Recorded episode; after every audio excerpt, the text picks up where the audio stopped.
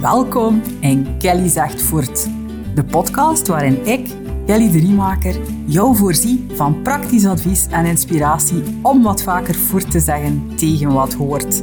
Zodat je weer volle bak kunt gaan voor wat jij nodig hebt. Ooit was ik zelf lifestyle-journalist en schrijver. Vandaag coach ik mensen om de regie van hun leven in handen te nemen en authentiekere keuzes te maken. In Kelly zegt voort deel ik mijn eigen hobbelige traject van loslaten en kiezen voor een leven dat steeds beter bij mij past. Een leven waarin schaamte, people pleasen en verlammend perfectionisme een steeds kleinere rol spelen. In deze podcast ga ik ook in gesprek met mensen die ook voortleren zeggen tegen geïnternaliseerde regels rond geluk, succes en wat normaal is en wat niet. Welkom, let's go!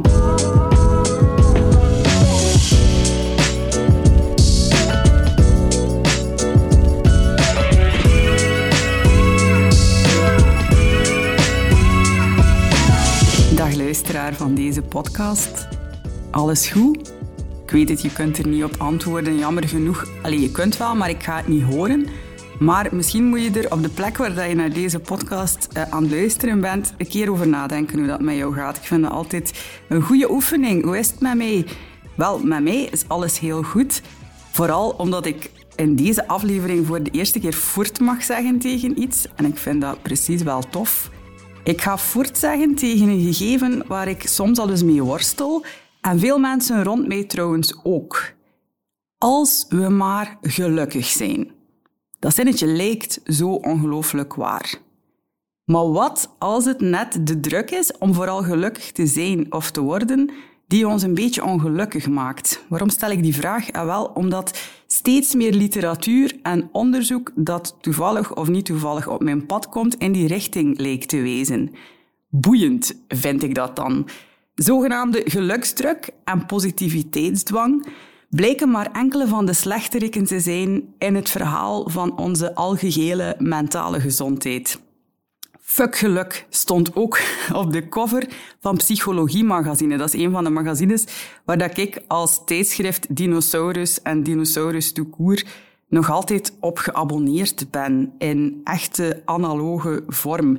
En binnenin dat magazine, het eerste van 2023, stond een groot artikel over zogenaamde toxische positiviteit, gemaakte blijheid en happy the peppy posts op de socials die je bijna zouden doen geloven dat dingen als verdriet, somberheid of boosheid, dat dat zaken zijn die je beter voor jezelf houdt en waar je je misschien zelfs een beetje voor zou moeten schamen.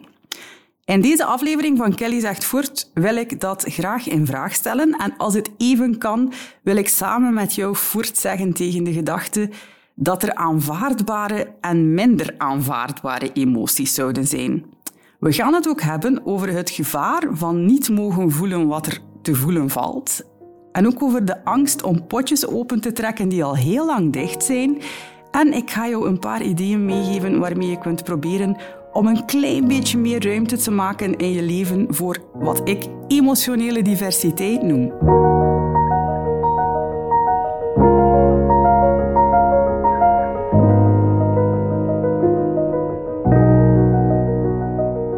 Ik echt aan deze aflevering begin, wil ik graag nog een kleine disclaimer maken en een zogenaamde trigger warning meegeven. In deze aflevering ga ik het onder meer hebben over zelfmoord en de cijfers die daar rond bestaan. Voel jij je op dit moment niet comfortabel om daarnaar te luisteren? Skip dan de volgende vijf minuten even. En zorg goed voor jezelf. En check ook de show notes van deze aflevering op kellyzegtvoort.be voor resources die je kunnen helpen om dat te doen.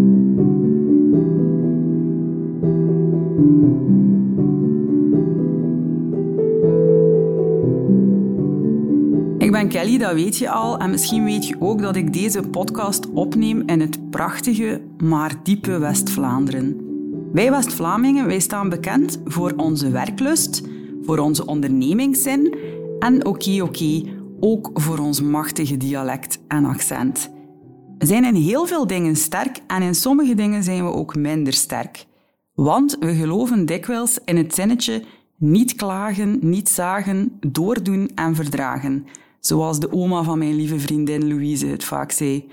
Wij zijn binnenvetters. Wij zijn mensen die op onze tanden kunnen bijten en niet te veel aandacht willen besteden aan wat lastig is, omdat we ergens geloven dat dat ons toch niet zo ver brengt. Waar dat ons onder meer brengt, die gedachte, werd een paar jaar geleden pijnlijk duidelijk uit de zelfmoordcijfers die per streek werden vrijgegeven. Daar is onderzoek naar gebeurd. En wat bleek? Nergens plegen meer mensen zelfmoord dan hier, in de streek waar ik woon. 1 op drie zelfmoorden in Vlaanderen gebeurt in West-Vlaanderen. Dat is al zot. En Iper, Veurne en Dixmuiden staan triestig op kop. Het zijn vooral mannen en bij jongeren is het de nummer één doodsoorzaak. Ik vind dat heel heftig om over na te denken. Het zijn heel triestige cijfers die volgens mij een probleem blootleggen dat heel diep zit en heel diep gaat. En niet enkel in de Westhoek trouwens. Vlaanderen is ook koploper in Europa als het gaat over die trieste cijfers. Je moet ik. Vaak leeft het verhaal dat je liefst niet te veel aandacht moet besteden aan wat je voelt. En als je dat toch doet, dan zijn er emoties die zogenaamd goed zijn en emoties die dat niet zijn. Elke mens heeft natuurlijk liefst het volledige scala aan emoties en we gaan straks ook zien waarom. Maar als je gelooft dat de ene emotie sociaal wenselijk is en de andere iets om beschaamd over te zijn of waar je best zo snel mogelijk weer van afraakt, ja, dan voel je aan je theewater dat dat niet bepaald bevorderlijk is om er alleen of samen met iemand anders naar te kijken. Laat staan dat je het uh, durft uh, delen of dat je hulp durft inschakelen als het moeilijk is. Onlangs had ik zelf een coachie die in therapie was en die had van haar partner te horen gekregen dat hij vond dat ze dat eigenlijk allemaal zelf uh, zouden moeten kunnen oplossen op hun leeftijd. Wat daar eigenlijk een enorme lading oplegde voor haar. En dikwijls staat er ook nog eens een deadline op het zogenaamde oplossen van die emoties. Als je vader sterft, dan geven mensen je snel het gevoel dat je toch ook niet te lang moet treuren. En dat hangt ook samen met de maatschappij waarin dat we leven. En dat is een maatschappij waarin we voelen dat we zo snel mogelijk weer economisch nuttig moeten zijn en professioneel moeten kunnen zijn op ons werk. En dus beter niet te veel bezig zijn met dat verdriet dat er nog zit en alles dat daarbij komt, want ja, dat hoort niet thuis op de werkvloer, zogenaamd. En het streven naar zogenaamd geluk zorgt er ook voor dat we de neiging hebben om andere emoties te zien als een symptoom van een ziekte bijna. Terwijl het eigenlijk niet zo zot is en niet zo gek is dat de dood van een geliefde zorgt voor verdriet. En dat het wel eens kan dat dat verdriet ook tijd nodig heeft, zonder dat dat zo ambetant is voor de economie of andere mensen, dat we eigenlijk liefst snel snel naar de dokter moeten om het weg te krijgen, al dan niet met een pilletje, zodanig dat het nog wat rapper gaat. Feeling bad about feeling sad noemen ze dat blijkbaar wel eens. En uh, mijn goede vriend, allee, ik zou het willen, ik heb de mensen ooit één keer mogen interviewen, maar ik zie hem toch als een goede vriend na al die jaren. Dirk de Wachter, de psychiater, die omschrijft het als de tirannie van de positiviteit. Die tirannie en die druk om vooral gelukkig te zijn, maakt ons ongelukkig en ongemakkelijk als we een keer iets anders voelen. Denk aan jaloezie, denk aan frustratie, denk aan bitterheid, angst, boosheid. Geluk is leuk en tof, maar als je die andere dingen vooral niet of niet te lang mag voelen, dan ga je voorbij aan de signalen die ze jou proberen te geven. Want, believe it or not, die emoties, die hebben we niet zomaar. Echt niet. Als we nooit boos zouden zijn of verdrietig en altijd alleen maar blij, dan zouden we als mens ook niet geëvolueerd zijn, maar gewoon, ik weet niet, ook content en blij in onze grot zijn blijven zitten, in plaats van ons verder te ontwikkelen op allerlei vlakken. Boosheid, verdriet, maar ook jaloezie zijn soms signalen die jou zeggen dat je eigenlijk iets zou moeten veranderen omdat je bijvoorbeeld in een minder gunstige job zit of in een relatie met iemand die misschien niet het beste met je voor heeft of jouw zelfbeeld aan het uithollen is zonder dat je het weet. En als dat zo is, ja, dan wil je die signalen toch precies ook wel doorkrijgen, zodanig dat je weet dat er iets aan de hand is. Liefst ook zonder ze direct te beginnen verdoven met alcohol of eten, of zonder jezelf te vertellen dat ja, andere mensen het echt wel nog veel lastiger hebben dan jij en je dus vooral niet moet klagen, maar doordoen en verdragen. Daar is de oma van Louise weer. Maar je ziet, als je daar een keer goed over nadenkt, hoe kwetsbaar die gedachte je eigenlijk ook maakt voor misbruik of dingen die niet zo goed of gunstig voor jou zijn. En dat doet mij een beetje denken aan dat bekende zinnetje van ook een vriend van mij, eh, de schrijver Roald Dahl, de jeugdboekenschrijver. Die heeft zo'n heel mooi bekend citaat en dat, het is iets als, uh, je moet vooral positieve gedachten hebben, zodat die uit je gezicht stralen en iedereen rond jou blij wordt of zo. En dat is zo'n citaat dat regelmatig wordt gedeeld op de socials. Um, en ik denk dan, ik ben het niet altijd eens met Roald. Ik vind dat hij fantastische boeken heeft geschreven. Maar als ik dat citaat lees, dan denk ik, oké, ik ben het daarmee eens als dat in overeenstemming is met wat dat er in je innerlijke wereld gebeurt. Uh, shine dan maar voor zot. Maar jij weet ook dat het leven niet op elk moment een ponykamp is. Dus misschien moet je die druk om dan alleen maar te shinen uit je lichaamsholtes soms ook wel een klein beetje voor jezelf houden, Roald.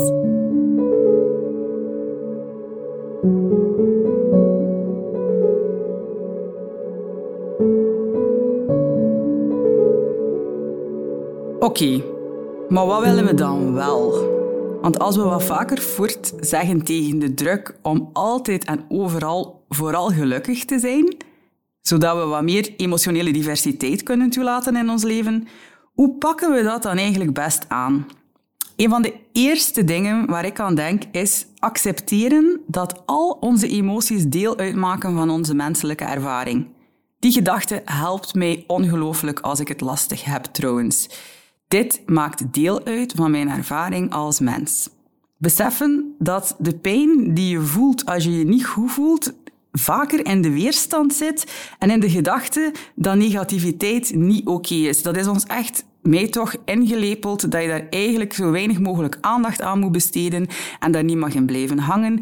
Maar ik heb het gevoel dat het daardoor een beetje doorgeslagen is, bij mij dan toch, naar dat je het eigenlijk niet mag ondervinden, dat je het niet mag voelen je emoties ook durven zien als de informatiebron die ze zijn. Ik zei het daarnet al, emoties hebben een functie. Heel vaak zijn het signalen.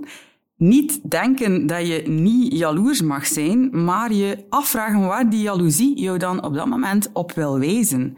Als ik jaloers ben op iemand, ik weet niet wat dat bij jou ook zo is, uh, en dat gaat bijvoorbeeld over, uh, ja, ik ben jaloers, want die persoon heeft tijd om drie keer per week te gaan zwemmen dan kan ik uh, dat helemaal afschuiven op die persoon en daar van alles over vinden. Of ik kan beseffen dat uh, ik misschien wat meer nood heb in mijn leven aan tijd voor mezelf. En dat het wel eens zou kunnen dat die persoon mij gewoon een ambetante spiegel voorhoudt op dat moment. Als ik me heel onveilig voel bij iemand die mij vertelt dat ze mijn BFF is, bijvoorbeeld, dan is dat een signaal dat er misschien verschil zit op wat er wordt gezegd en wat er, wat er gebeurt. En dat is wel belangrijke informatie, zeker op langere termijn. Als je goede relaties wilt hebben, dan is het soms goed om ook een keer te voelen wat er te voelen valt en dan niet onmiddellijk weer weg te duwen. Daar gaat het ook over, volgens mij. Mogen en durven voelen. En ik weet uit ervaring dat dat wel wat moed vergt. Maar als we het niet doen, dan gebeuren er soms dingen die minder aangenaam zijn voor de mensen rond ons en ook voor onszelf trouwens. Uh, dan ontploffen we bijvoorbeeld ineens voor wat ze in, West-Vlaanderen iets van niks noemen. En dan vertellen we onszelf misschien dat er van alles mis is met ons, doordat we dan ineens voor iets van niks ontploffen. Maar met emoties, zo blijkt, um, is het zoals met een bal die je onder water probeert te houden. Je kent dat beeld misschien wel. Dat lukt wel vaak en dat lukt wel even. Maar ooit worden je armen wel moe en op een bepaald moment schiet die bal gewoon in je gezicht. Als je heel vaak niet hebt mogen wenen, dan kan het bijvoorbeeld gebeuren dat je op een vergadering met je baas en je collega's plots out of the blue, zonder dat je goed weet wat er gebeurt, al jouw leidingen voelt breken. En dat er ineens van alles bij jou naar boven komt. En dat is dan vaak heel ongepast en ook je weet dikwijls ook niet van waar het vandaan komt en je collega's en je baas al helemaal niet. Maar dat komt dus uit jou. En als je niet luistert, worden al die emoties die heel de tijd worden onderdrukt en al die gevoelens die dan heel snel weer naar beneden worden geduwd, zoals die bal, zo luid dat ze ook uit je hoofd komen gestroomd en uit je lichaamsholtes, zoals ome Ro altijd zei. Maar dan helemaal anders. Maar het is misschien minstens even belangrijk om naar die dingen te luisteren. Ik ben het dus niet eens met dat zinnetje niet klagen en niet zagen. En eigenlijk ook niet met doordoen. Maar wat ik wel een steeds belangrijker woord begin te vinden, is dat verdragen.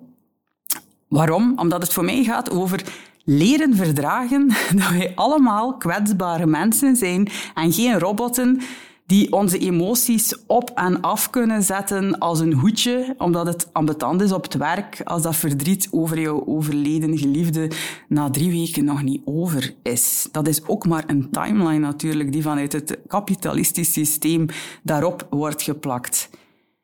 En misschien is er wel een gedachte die bij jou naar omhoog aan het komen is op dit moment? Uh, waarom denk ik dat? Omdat het een gedachte is die ik heel vaak hoor als ik gesprekken heb met mensen over mogen voelen, over durven kijken. En die gedachte is, uh, wat als ik helemaal niet durf te kijken, omdat ik bang ben dat het openen van bepaalde potjes, want zo omschrijven mensen dat dan vaak, uh, dat die potjes die al heel lang dicht zijn, als ik die open doe, dat het risico bestaat dat, die, dat alles dat daarin zit mij volledig gaat overspoelen. Wat is mijn advies daar? Ik snap het. Dat is ook soms heel beangstigend als, als je al heel lang niet hebt gekeken. Doe het dan vooral traag en voorzichtig en op je eigen tempo. En doe het misschien ook niet alleen, want heel vaak denken we ook dat we alles altijd alleen moeten oplossen, zoals die man van die coachie die ik daarnet vernoemde. Die plakte daar trouwens ook een leeftijd op. Wij, mensen van x jaar, moeten dat zelf kunnen. En dat is komiek om dat zo te zien, want ik heb nog nooit gedacht van als je zo oud bent, moet je dat kunnen. En als je zo oud bent, misschien niet. Maar om wat te zeggen, voor die mensen is die gedachte gewoon heel erg waar. Ik heb geen idee waar dat die vandaan komt, maar die zal geleerd hebben van jonge mensen moeten hun eigen shit kunnen oplossen. En dan is dat zijn realiteit. Dus um, Dirk de Wachter geeft trouwens iets heel mooi aan in zijn boekje met de zalige titel De kunst van het ongelukkig zijn. Eh, ik ga het in de show notes zetten, want ik vond dat ook de afgelopen jaren een van de eye-openers op het vlak van emoties voelen. Um, hij zegt op een bepaald moment dat dingen als verdriet en ongeluk aanleiding kunnen geven tot nabijheid, als je dat aandurft. En nabijheid voelt gelukkigmakend, zegt hij. En als je het zo bekijkt, kan het inderdaad heel mooi zijn. In zoverre dat je het met een ander kunt delen, kan het ervoor zorgen dat je dichter bij elkaar komt. En dat is volgens hem een van de zaken die voor ons als mens het allerbelangrijkste zijn en het allerzinvolste in ons leven. Het is een beetje zoals ik. Ik heb moeten leren om eerst ween maar tegen mijn kinderen te kunnen zeggen en daarna pas tegen mezelf. Uh, het inzicht dat mijn kinderen niet uh, of dat ik de neiging had om te zeggen, je moet niet wenen, was voor mij echt een hele belangrijke factor in de vraag stellen, mag ik dan wel wenen? En waarom mag ik niet wenen van mezelf? En heel vaak kan dat ook een en ander in gang steken. Misschien kan jij dat ook wat vaker doen. Dat is uh, bij deze ook mijn tip van deze week en van deze episode. Um, als iemand naar je toe komt met een probleem en je voelt jezelf, zoals ik vaak, in een kramp schieten van oplossen en adviseren, vraag dan eerst eens of die persoon die het lastig heeft wil dat je meedenkt of gewoon dat je luistert.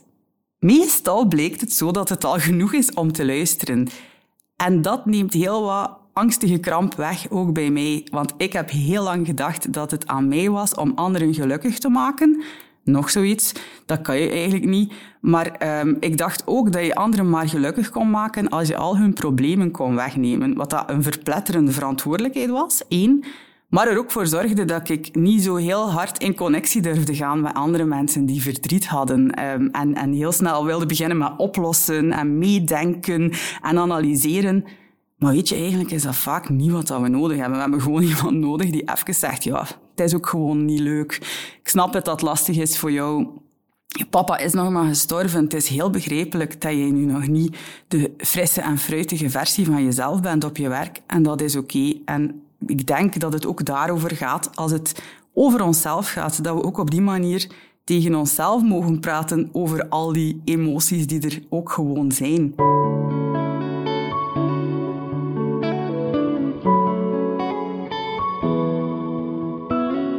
Ik zeg vandaag dus voort tegen de druk om elke dag van mijn leven gelukkig en dankbaar en blij te zijn.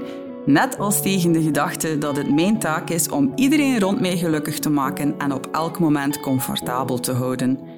En ik zeg al wel ja tegen het feit dat er minstens evenveel lastige, ingewikkelde, twijfelachtige dagen op mijn pad zullen komen, net als op het pad van andere mensen. En als dat is hoe het is, dan zou ik er denk ik nog voor getekend hebben, voor dit gekke menselijke bestaan. Ik ga afsluiten vandaag met een citaat van mijn goede vriend Dirk, Dirk de Wachter, als het niet geeft. Het is een mens die zichzelf trouwens heel mooi een verdrietdokter noemt in plaats van psychiater. En dat is zo omdat zijn dochter hem ooit zo heeft omschreven in het kleuterklasje. Ik vind het heel mooi uh, dat hij dat heeft bewaard voor zichzelf. Dat hij eigenlijk niet meer is dan een verdrietdokter. Hij zegt in een van zijn boeken: Je bent niet ziek als je ongelukkig bent. Ongelukkig zijn maakt deel uit van het leven. En ermee omgaan is wezenlijk. Ik zou zelfs zeggen, levensbelangrijk. Maar dat gebeurt te weinig. Verdriet wordt gepsychiatriseerd en men komt massaal naar mijn collega's en mezelf. Het lijkt alsof iedereen alleen bij de therapeut zijn hart wil luchten. Bam! Damn, Dirk. Als dat niet de waarheid is. Verdriet moeten we oplossen. We gaan ermee naar de verdrietdokter, omdat we eigenlijk vinden dat het niet hoort en dat het snel weer weg moet. En ik denk dat het daarover gaat. Ik hoop dat je iets aan deze aflevering hebt gehad. Misschien gebeurt er van alles bij jou. Um, ik hoor het graag. Laat het mij zeker weten. Ik vind het altijd fijn om te horen wat er bij jullie naar boven komt. En ik hoor jullie heel graag volgende keer weer. Bedankt om naar deze podcast te luisteren. Ik ben echt geweldig vereerd dat je daar de tijd voor hebt genomen. Wil je graag meer? Surf dan zeker nog eens naar kellyzegtvoort.be. Daar vind je alle show notes en links die ik in deze aflevering heb vermeld. Laat ook zeker een review na via Apple Podcasts of abonneer je op Spotify. Dat helpt ook om andere mensen deze podcast te laten ontdekken. Wil je mij graag een vraag stellen of heb je een suggestie voor een aflevering of iemand die ik volgens jou eens aan het woord moet laten? Mail me dan even op hallo@kellyzegtvoort.be.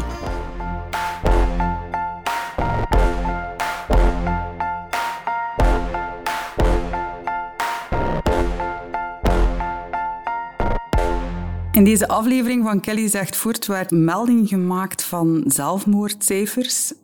Denk jij aan zelfmoord en heb je nood aan een gesprek, dan kan je terecht bij de zelfmoordlijn op het nummer 1813 of via www.zelfmoord1813.be. Zorg vooral heel goed voor jezelf en laat jou helpen als het nodig is.